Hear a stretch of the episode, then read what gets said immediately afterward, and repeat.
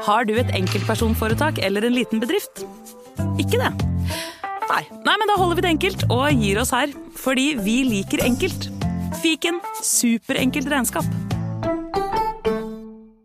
Velkommen til Ukraina, en podkast fra Nettavisen. Jeg heter Tormod Malvin Sæther og er journalist her. Eh, hei, jeg heter Jørn Skjønn Henriksen, jeg er Ukraina-skribent i Nettavisen og er også leder av Norsk-ukrainsk venneforening. Og i dag så må vi selvfølgelig starte med å snakke om uh, ukens uh, store nyhet, nemlig Wagner-sjefens Jevgenij Pregozjins uh, flystyrt. Vi vet at flyet hans har styrta, men hva mer vet vi? Nei, det er et godt spørsmål, for uh, definere vet. Vi vet ikke så veldig mye. Um, og, men hvis vi ser omstendighetene rundt det, så tegner det seg et ganske klart bilde. Jeg har valgt å ikke kalle det en flystyrt. Jeg ser veldig mange kaller det en flystyrt. Jeg kaller det en henrettelse. Og det vi må huske på, for at på seg sjøl ser man andre, og, man prøver på en måte å, å forstå Moskva ut fra hvordan vi sjøl ser våre myndigheter, men, men eh, Russland styres som en mafia. Og det her var jo på mange måter et mafiadrap. Altså, Putin sørger for å være på direktesendt TV, står der og snakker, mens det som skjer i bakgrunnen, er jo at eh, Prigozjin blir fjerna mens han er i et fly, omtrent på direktesendt TV, og TASS, eh, det russiske telegrambyrået, på en måte har erklært han død omtrent før flyet har truffet bakken. For det er en veldig spektakulær måte å henrette noen på. Også eh, det skyte ned flyet deres med et luftvernmissil, du får det ikke så mye mer brutalt enn en det?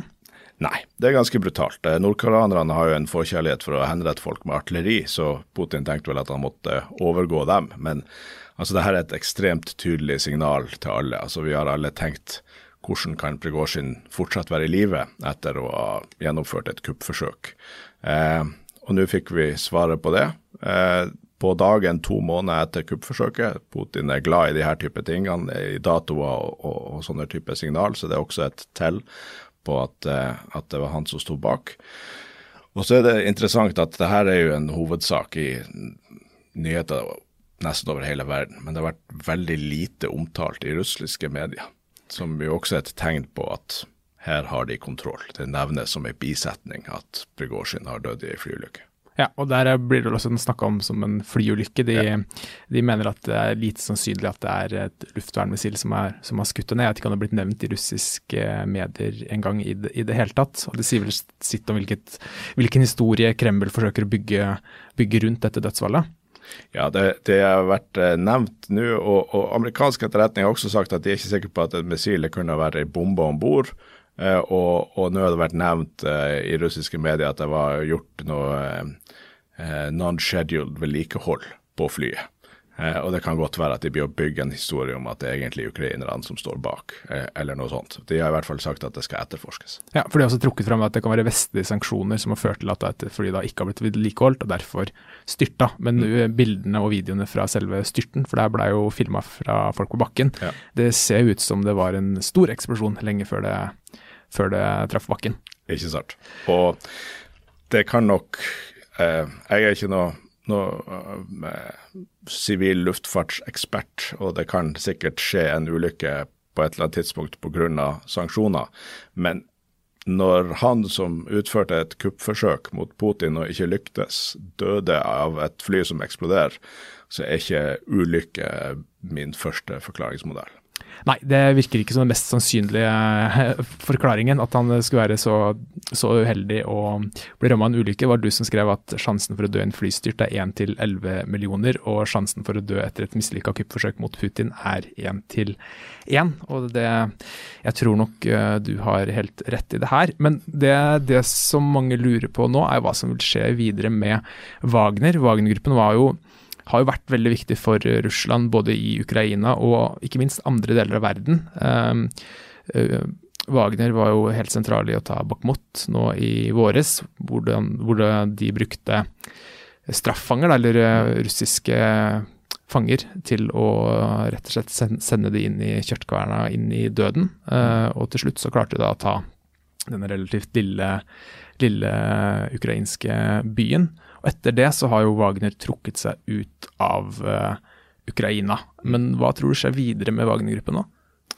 Jeg, jeg, ser jo også det her som et slags eh, ledd i nasjonaliseringa av Wagner-gruppa. De blir dratt inn i det regulære militæret.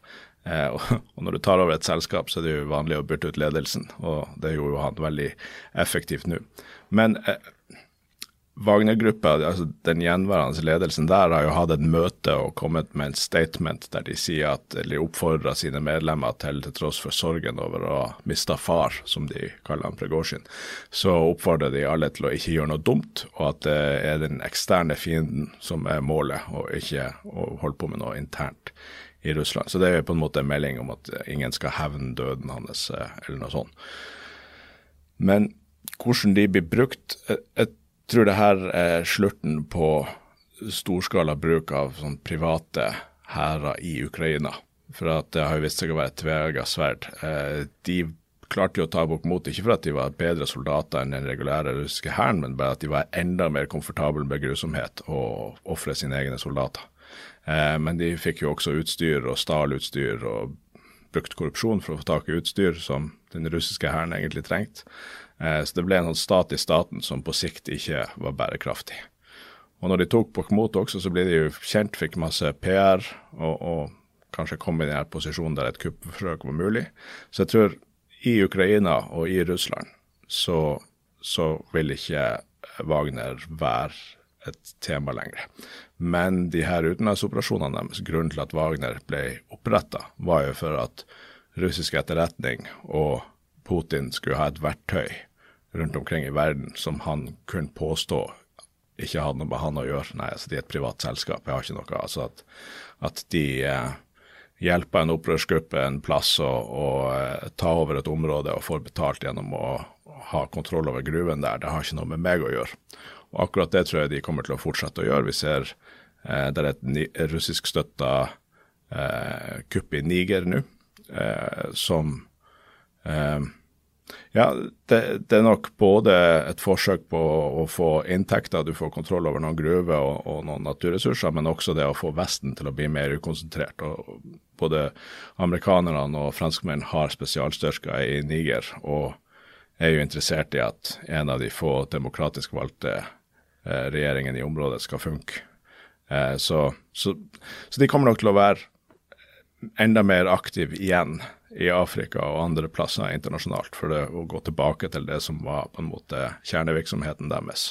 Og det eh, som funka, de hadde god, god erfaring med. Da, for Wagner har jo blitt brukt som et utenrikspolitisk eh, verktøy for, for, Russland for å kjøpe seg innflytelse. De har solgt eh, tjenestene sine til eh, si, høyest bydende, mm. og de har jo vært eh, lukrative fordi de har jo ikke vært opptatt av menneskerettigheter, krigens folkerett eh, mm. osv. osv. De har gjort eh, det, det de har fått beskjed om, mot at de har fått nok eh, penger, rett og slett. Da, enten i form av gull eller tømmer har de drevet en del eksport av, og som du også nevnte, gruve, gruvedrift. Da. De har slått seg opp ganske stort på det i, i Afrika, og det har vært veldig lukrativt for, for, staten Russland. Og som du var inne på, så har jo da Putin og regimet Kreml de har jo benekta enhver kjennskap til eh, Wagner. Det har bl.a. vært helt forbudt å mm. ha leiesoldatselskaper i Russland. og Det har også vært et av argumentene, at de kan ikke komme fra oss fordi det er jo ulovlig. Og vi, det er jo påstår i hvert fall selv at de er et land med lov og orden, og som har kontroll over seg og sine. Og så har jo da, etter Wagner-oppgjøret, så har jo da bl.a. Putin gått ut og sagt at eh, Wagner har vært direkte finansiert fra statsbudsjettet. Så det er så mye for, for den historien. det, og, det, og, det, viser jo bare hvor altså hvordan russerne og, og, russiske myndigheter ikke har noe sånn der ambisjon om å forholde seg til sannheten i det hele tatt. For Putin har jo også sagt at Wagner finnes ikke, egentlig. Og teknisk sett så stemmer det jo, for at de er ikke et registrert selskap i Russland på noen måte. Eh, så han sier både at de ikke finnes, men at den russiske staten har finansiert dem. Eh, så ja, de, de, vil nok fortsette å være en entitet ute i Afrika. Og det som har vært trenden de siste årene, heldigvis, er jo at vestlige land, hvis de skal eh, bidra eh, i eh, land i Afrika der det er interne stridigheter eller eh, problemer, skal hjelpe myndighetene der, så stiller de krav om demokratiske reformer, om åpenhet, eh, antikorrupsjonslover og sånne type ting.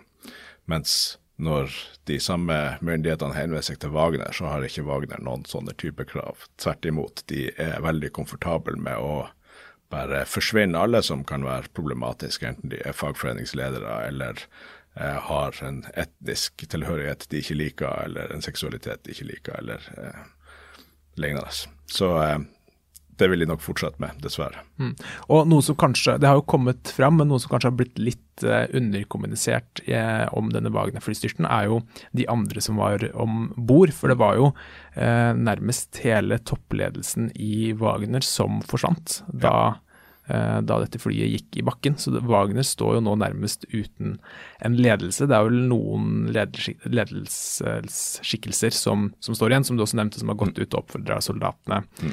til å ikke ja, finne på noe dumt eller lage et nytt opp, opprør. Men uh, Wagner står vel nå i realiteten uten, uten en uh, fungerende ledelse? Jeg tipper at de vil komme under ny ledelse med noen som uh noen som vet å sørge for at de følger ordrene fra russisk etterretning om hva de skal gjøre og hvor de skal gjøre det. Ja, og Blant de som forsvant, var jo denne Dmitrij Utkin, mm. som uh, vi kaller jo Prigozjin, han ble jo kalt Wagners grunnlegger og leder. Men det er vel Utkin som egentlig grunnla Wagner tilbake i, om det var i 2014, rundt, rundt da i hvert fall. Og han Eh, ble tidligere russisk spesialsoldat som gikk under kallenavnet Wagner, eh, og har da tatovert eh, forskjellige nazisymboler på rundt kragebeinet et sted, er det ikke det? Jo, han har jo han, Og ikke bare nazi, men sånn Nazi-Tyskland-symboler og, og, og SS-ting. Så han er jo en av de her flotte eksemplene på hvor ironisk det er at de kaller ukrainerne nazister, når han faktisk tatovere nazisymboler på, på, kroppen sin. Og det er jo en, en mye brukt vits i forbindelse med denne uh, flyulykken. At uh, det er både unik både for at russisk luftvern for en gangs skyld funka, og at de også for en gangs skyld drepte nazister. Så her fikk eh, Russland oppfylt flere, ja. flere delmål. Eh, da tenker jeg vi kan bevege oss videre kanskje til å snakke om denne mye omtalte ukrainske motoffensiven, mm. som eh, det skulle først være en våroffensiv. Vi begynte å skrive om det kanskje allerede i mars-april, om at nå nærma det seg. Og i juni, starten av juni så gikk Zelenskyj ut og sa at nå, nå er offensiven i gang. Og det var nok mange som forventa å se tyske Leopard-stridsvogner eh, storme framover på slagmarken og være nede ved Azovhavet og Melitopol og Mariupol i løpet av eh, dager og kanskje uker. Um, men det har jo gått veldig mye tregere enn det. Noen har kalt uh, denne offensiven en fiasko, og ment at Ukraina ikke har klart å få til noe av det de har prøvd, og det som har vært forventa. Mens du, Jørn, du er ganske klar på at historien ikke er så enkel. Nei, eh, det, og det mener jeg at de som allerede nå kan si at den eh, offensiven er en fiasko, har ikke forstått den ukrainske eh, strategien. Eh, nå sier ikke jeg at eh, alt går så det kan godt hende at det ender opp med å bli en fiasko, men det vet vi ikke ennå.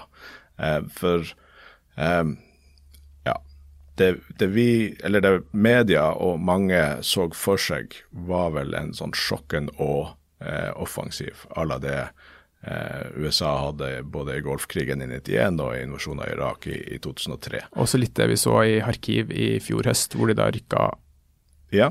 relativt fort og uventa fremover. Det gjorde de, og det, er jo den store altså de hadde, Ukraina hadde to offensiver i 2022. Eh, det ene er Kharkiv-offensiven, som gikk veldig fort. Og det andre var Kherson-offensiven, som gikk veldig sakte. Og Grunnen til at eh, Kharkiv-offensiven gikk fort, var at den var så uventa. De hadde overraskelsesmoment. Eh, for de erklærte høyt og tydelig at de skulle ta Kherson i sør, og begynte å bygge opp styrker der og gjøre noen små angrep. Og russerne flytta omtrent alt de hadde av styrker inn i det området for å beskytte. Og da overraska de både russerne og oss andre som så på fra utsida med å sette i gang en offensiv i Kharkiv, der russerne var tynt befolka med styrker, hadde utrente styrker Eh, og rett og slett kollapsa. Eh, og da går det fort. Eh, og, det er jo det ukrainerne ønsker å få til. For jeg så nylig en, en halvtimes lang bodycam-film fra storming av skyttergraver. Og selv om ukrainerne er blitt veldig gode til det og gjør det systematisk og effektivt, og selv om de har tap, så, så har russerne mye større tap. Så hvis du skal krige deg skyttergrav for skyttergrav helt ned til Azovhavet, så blir det å ta et par år. Det du må ha, er en slags kollaps hos russerne. Eh, og det fikk de i Kharkiv, men det, det, gikk så fort at selv ukrainerne hadde ikke trodd at det skulle gå så fort, så de gikk de hadde ikke forsyningslinje og hadde ikke en plan for hvordan de kunne forsterke det videre, men de, de, tok et stort område. For da gikk det vel så fort at de rett og slett måtte sette en fot i bakken og si at nå må vi ja. Vi kan ikke rykke frem lenger, for vi har, vi har ikke forsyningslinjer, vi har ikke logistikkapparaten som kreves for å, for å rykke lenger, lenger, inn? Ja, og på et eller annet tidspunkt så blir det veldig stor risiko for at du kan få en enhet som bryter veldig langt fram, og så plutselig de omringa, og så har de store tap. Og, og, og ukrainerne er veldig jeg skal ikke si det konservative, men de, men de vil unngå store egne tap. Og, og det er nok lurt. altså. Eh, den store forskjellen på den ukrainske hæren og den russiske hæren er jo at den ukrainske blir bedre og bedre fordi at de bygger erfaring og får trening, men også kamperfaring, mens den russiske blir dårligere og dårligere for at stadig flere blir drept av de som har litt erfaring, og så fyller de på med, med mobiliserte folk nesten uten trening.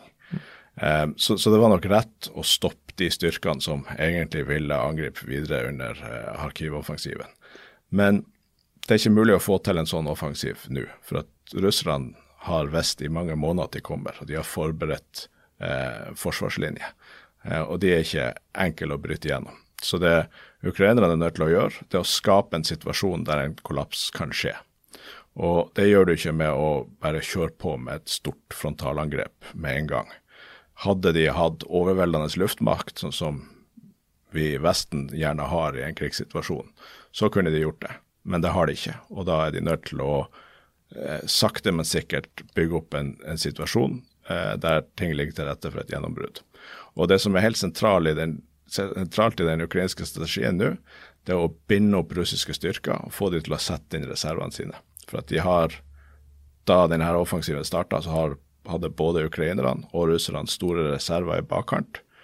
Og så gjør ukrainerne forskjellige små angrep forskjellige plasser langs fronten, og provoserer fram at russerne setter inn forsterkningene sine der.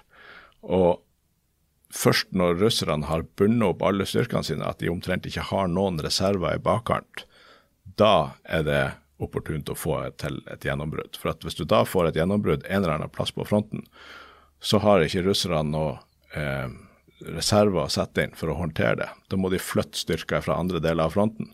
Og når du tar ut noen som er i kamp på fronten, så skaper du en svakhet der. Da skaper du sånne dilemmaer som gjør at, at de bare har dårlige valg å gjøre. Mm. Og Det er også derfor Ukraina angriper i, i tre akser nå, mm. bl.a. også mot uh, Bakhmut, som er Det er vel fortsatt eh, Det har ikke blitt noe mer strategisk viktig, eh, det området av frontlinjen. Men, men, de angriper også østover mot Bakhmut for at Russland må spre styrken sin over et størst mulig område. Eh, og da sette de i et dilemma for at de da til slutt skal kunne storme nedover mot, eh, mot Asavhavet.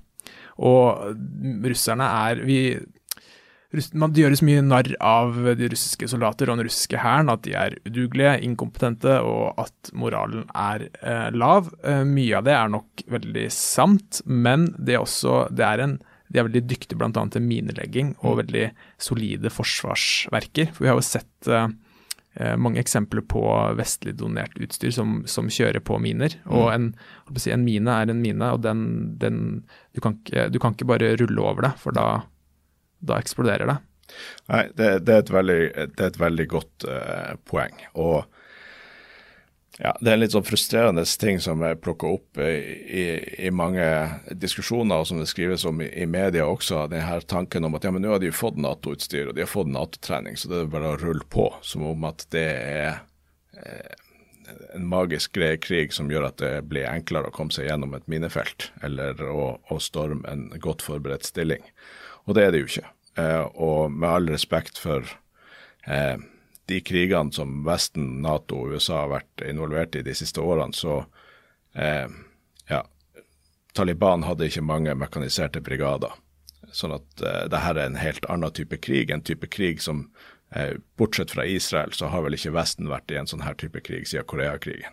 Så det er en veldig omfattende eh, krig mellom to industrialiserte nasjoner der det kommer til å være tap.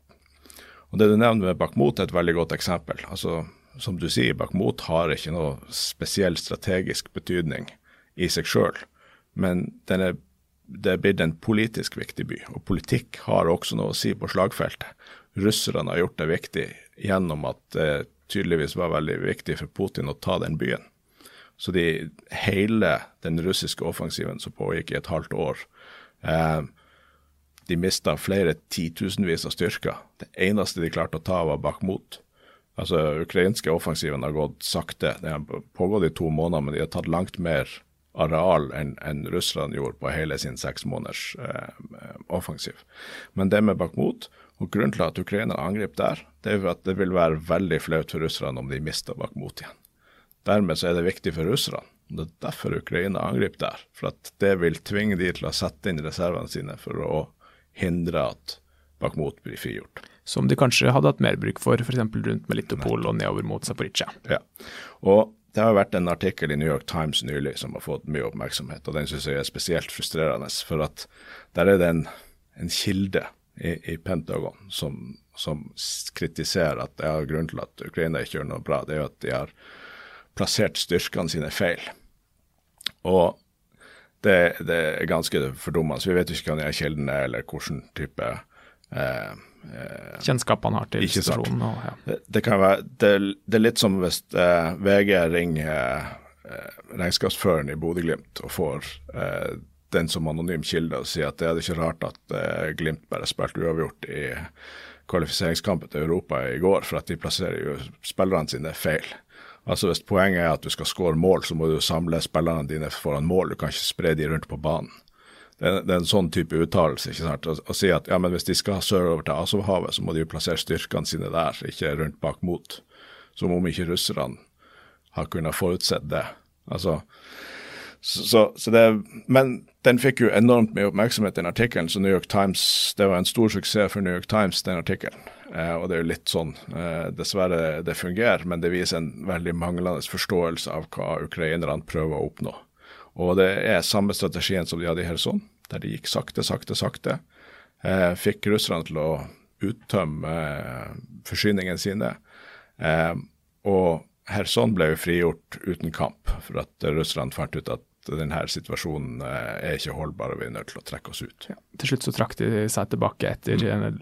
riktignok lange og intense kamper. Det var, eh, det var intens kriging fram til, fram til, det punktet, men mm. de trakk seg og ordnet tilbake. Mm. Og nå ser jeg at uh, vi bør bevege oss videre på dette raidet på Krymhalvøya, mm. som var uh, den uka her. Og hva var det egentlig som skjedde da? Dette er da et land uten, uten marine, Ukraina altså. Den mm. tok Russland i 2014. Mm. Og likevel så kommer de seg via sjøveien til Krimhalvøya og tar ut eh, bl.a.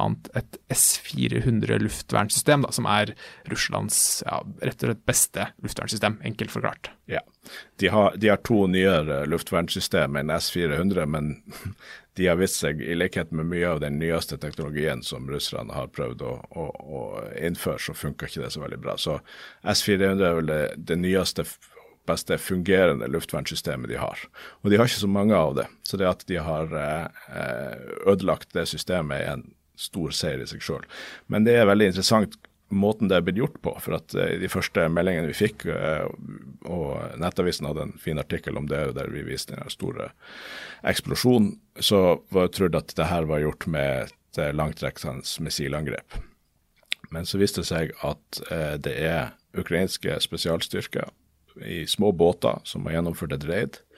Eh, de er blitt trent av britiske SBS, som er litt sånn som vår marine jegerkommando, og den mindre kjente nevøen til SAS. Eh, så, så, de har trent ukrainerne til operasjoner i små båter, og det er jo veldig velegna på Krym å gjøre det. Det er jo en enorm halvøy. Eh, så Første dagen så tok de ut det her S400 luftvernsystemet, som har stor virre i seg sjøl. Eh, men det de gjorde dagen etter, var å angripe og ødelegge to store radarinstallasjoner. Og det her er helt vest på, på Krimhalvøya. Og luftvernsystemet fungerer jo sånn at S-400 har sine egne radarer og sånn som låser på det innkommende målet, enten det er et missil eller et fly eller sånn, eh, og skyter ned. Men de har også større radarstasjoner som har mer total oversikt over luftrommet og ser de her truslene på forhånd og, og koordinerer med S-400. Så det at de har tatt ut alle de her tre, både S-400-systemet og de to radarstasjonene, har jo gitt russerne en veldig stor sånn blind flekk på, på, bildet deres over Ukraina. Og Det er jo en svakhet som er interessant. Kanskje Ukraina planlegger et eller annet stort der. Men det andre som er interessant med det, er jo at det viser jo sårbarheten russerne har på Krimhalvøya for et sånn type raid. Og da må jo, Det er et nytt dilemma russerne står overfor. Skal de eh, hente styrker fra fronten for å beskytte kysten langs Krim, eller skal de fortsette å være sårbare for den type angrep? Igjen, da. Det blir det samme dilemmaet med om de skal sende styrker til Bakhmut eller ikke. Mm. Det forsterkes nå, for nå må ja. de også sende det til Krim. Og det ikke kan sant. hjelpe fronten rundt Zaporizjzja ned mot Melitopol. Det kan det gjøre. Så får vi se hvordan den historien der utvikler seg videre. Men det er jo da eh, det er, et av veldig få såpass store angrep på, på Krimhalvøya. Vi hadde jo et i fjor, sensommeren i fjor også, hvor det var en stor eksplosjon på en flyplass. Så man fortsatt klør seg litt i hodet over hva som egentlig skjedde, eller fant man egentlig ut uh...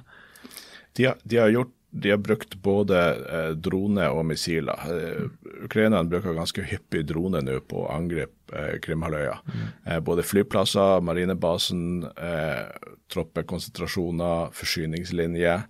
Eh, Krim eh, står i fare for å bli et fengsel for russerne. Der det er tre forsyningslinjer inn og ut av Krim.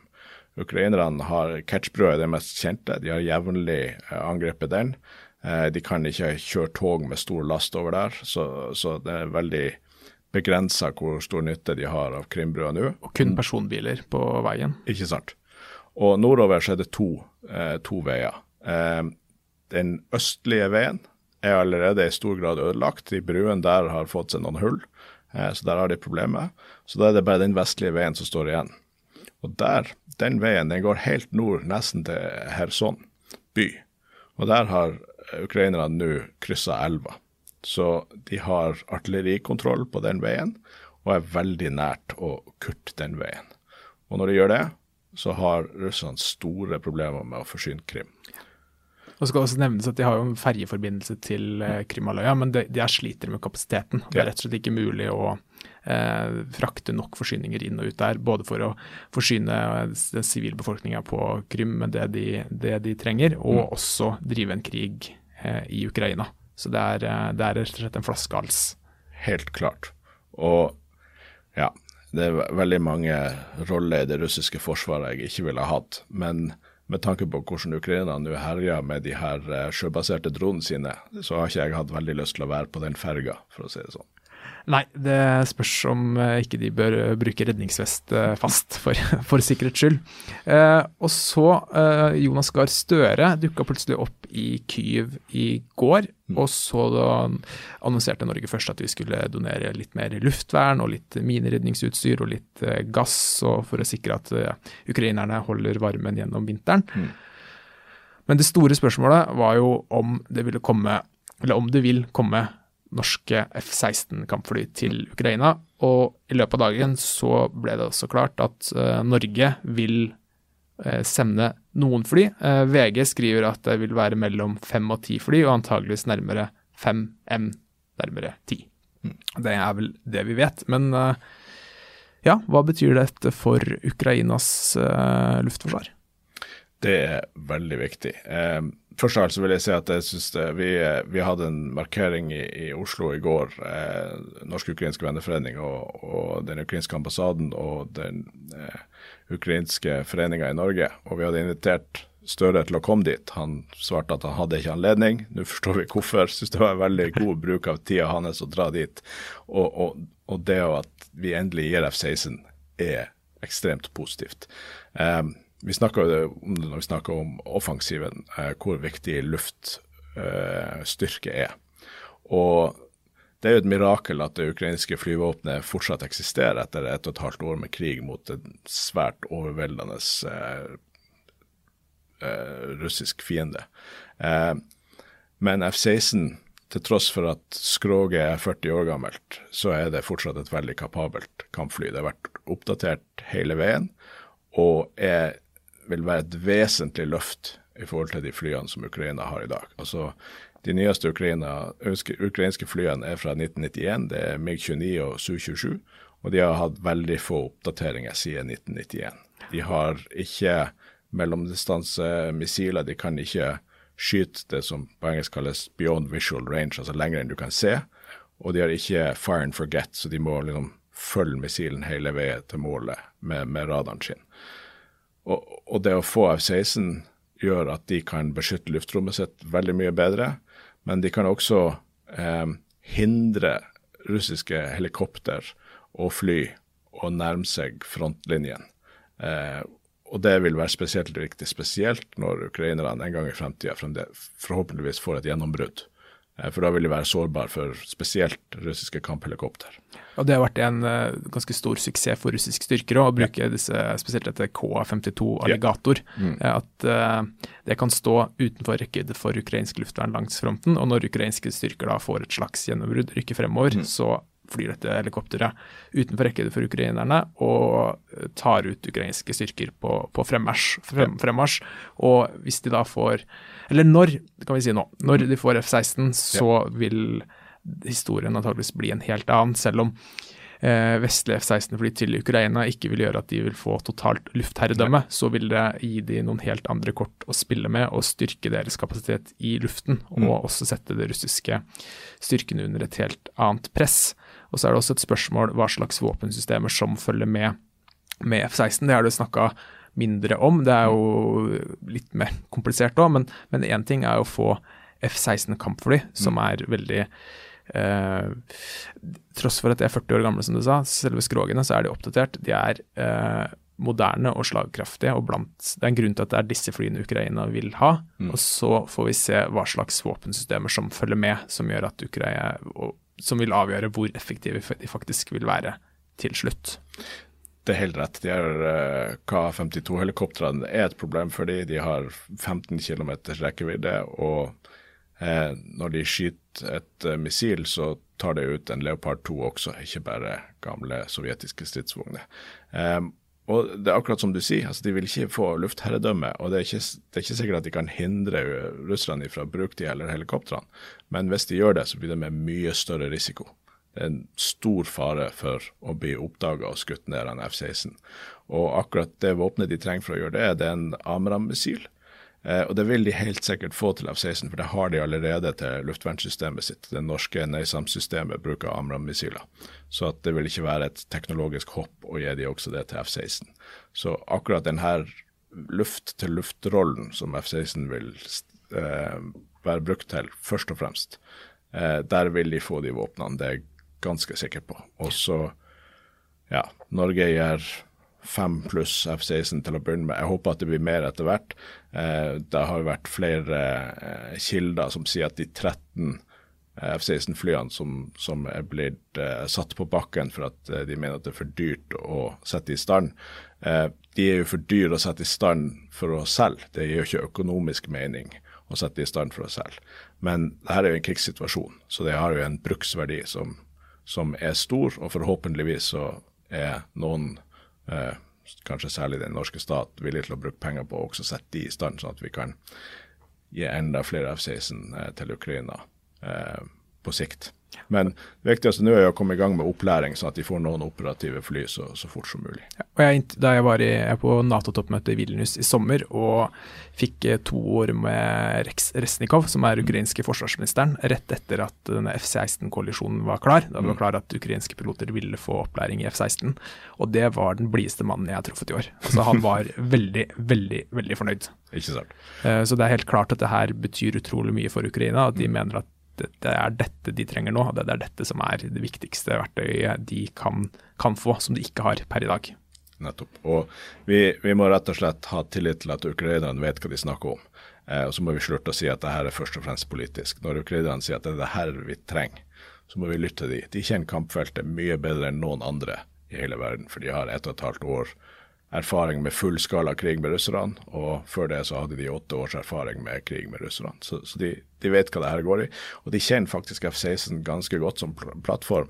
Eh, det, russiske, det, ukrainske flyvåpenet hadde et samarbeid med California Air National Guard eh, i mange år, og har trent på F-16 sammen med de. Altså, så de har ikke de har ikke piloter som kan F-16, men de kjenner godt til systemet og hva det kan tilby. Det er ikke helt gresk for dem. Nei. Det er det ikke. Og så, uh, dere, Du nevnte i stad dere hadde en uh, Det var jo Ukrainas uavhengighetsdag Stemmer. i går. Uh, det ble markert med brask og bram her i Oslo og flere andre norske byer og mm. tettsteder. Og hvordan, hvordan, gikk det? Det gikk veldig bra. Her, inspirert av, av talen eh, som den ukrainske presidenten holdt til Stortinget, der han nevner den norske barnetogtradisjonen og 17. mai, eh, så bestemte vi oss for å arrangere verdens første ukrainske barnetog i Oslo. Og Det ble en kjempesuksess. og, og eh, de her markeringene er jo alltid emosjonelle, men jeg ble overraska over hvor sterkt det var å gå i et ukrainsk barnetog i Oslo. Jeg har jo gjort det med mine egne barn, og det å gå opp mot Slottet med korpsmusikk, her, med jegermarsj og de kjente eh, sangene, og, og rope hurra og 'Slava Ukraini' med ukrainske flagg, og se hvor mange emosjonelle ukrainere som sto langs, eh, langs veien og, og fulgte med på det her. Så det, ble, det ble en veldig sterk markering. Um, og endte opp til slutt uh, på Ukrainas plass, uh, der den russiske ambassaden ligger. Um, uh, så nei, det, det, var et veldig flott arrangement, og jeg er veldig glad for å kunne gjøre denne den der miksen mellom den norske tradisjonen med barnetog og også markere uavhengighetsdagen fra da Ukraina ble fri fra Sovjet i 1991. Så får vi håpe at eh, om 364 dager så kan vi feire Ukrainas uavhengighetsdag på nytt, men da med Ukraina som et fritt og fredelig land. Så får vi se. Eh, det er fortsatt lenge til. Eh, det er fortsatt et, et, år til, så får vi se hvordan denne krigen utvikler seg. Jeg hører at Krim er veldig fint i august, så tar jeg gjerne en 24. Eh, august-fest på Krim neste år. Da skal jeg bli med, så får jeg en podkastsending derfra. Og da tror jeg vi skal runde av i dag. Takk for at du lytta, og så er vi plutselig tilbake med en ny episode.